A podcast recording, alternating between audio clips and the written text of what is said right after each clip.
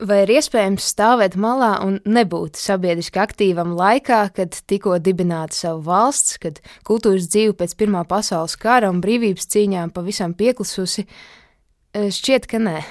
Latvijas valsts pirmajā desmitgadē tika izveidotas ne tikai nozīmīgas kultūras institūcijas, bet tika dibinātas arī dažādas biedrības, katra ar savu domu par to, kāds darbs darāms kultūras veidošanas laukā. Šajā procesā piedalījās arī mūziķi. Gan komponistiem, gan operdziedātājiem, gan kordirģentiem bija savas biedrības. Visus Latvijas mūziķus, galvenokārt instrumentālistus, vēlējās apvienot Latvijas mūziķu biedrību. Tās biedru vidū bija gan operas, radiofona un citu orķestru mūziķi, gan ansambļu un gadījumu darba mūziķi, kas spēlēja dažādos lokālos. Biedrībai bija četras nodaļas - Liepājā, Jelgavā, Tukumā un Kuldīgā, kas tik tiešām sekmēja mūziķu apvienošanu visā Latvijā, ne tikai Rīgā. Bet vai zini, ar ko vēl nodarbojās Latvijas mūziķu biedrība? Valdemārs Pūciņš, ilgadējs biedrības priekšsēdētājs, rakstīja, ka biedrība bija tā vieta, kur koncentrējās un izveidojās mūziķu nodomi, ierosinājumi un projekti, kur radās vienotais gars un drosme aizstāvēt savas tiesības. Latvijas mūziķu biedrība gan aktīvi iesaistījās mūzikas dzīves veidošanā, gan veica arotbiedrības funkcijas. Līdz ar to arī tā darbojās gan kultūras, gan mūziķu tiesību aizstāvības sfērā.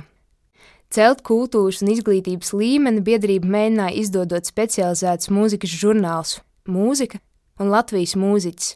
Tika izveidot arī nošu bibliotēka. Koncertdzīvē biedrība iesaistījās dibinot un organizējot orķestrus, kā arī aktīvi līdzdarbojoties un sniedzot atbalstu jau esošu orķestru darbības sekmēšanā. Savukārt, kā tradīciju mēģināja iedibināt mūziķu dienu, kad Arkādijas parkā tika rīkots brīvdabas lielkoncerts, kurā spēlēja apvienotais simfoniskais orķestrs. Latvijas mūziķu biedrība iestājās par mūziķu tiesību aizstāvēšanu, Tā sekoja līdzi, lai darba un pensiju likums tiktu attiecināts arī uz garīgā darba veicējiem, un šajā sakarā rīkoja Mākslinieku kongresu un līdzdibināja Latvijas Mākslinieku savienību. Biedrība mēģināja normēt mūziķu algas un arī ierobežot ārzemju mūziķu iebraukšanu Latvijā. Savukārt saviem biedriem piedāvāja vairākas iespējas pašiem uzlabot savu materiālo stāvokli un nodrošinājumu nākotnē.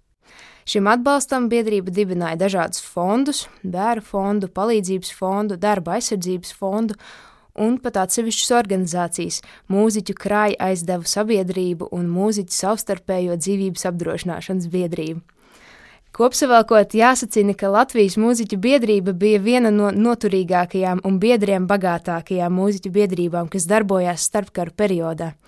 Lai gan biedrība ir interesanta pati par sevi, Tās darbība un risinātās problēmas situācijas ir vienlaikus arī spilgts apliecinājums Latvijas kultūra telpas ciešajām saitēm ar norisēm pasaulē 20. gadsimta 20. un 30. gados. Biedrība saskārās gan ar radio ienākšanu un skaņu kino parādīšanos, gan ekonomisko krīzi un mūziķu identitātes meklējumiem, respektīvi mūziķis mākslinieks vai mūziķis algots darbinieks, arodnieks. Vai mūziķim būtu jāizstāv priekšstats par mūzikas pārpasaulīgumu un viņam kā māksliniekam jāmeklē pilnības horizonti, vai tomēr mūziķi drīkst raudzīties uz mūzikas nozari pragmatiskāk, aizstāvēt savas tiesības un runāt par darba dzīves nērtībām?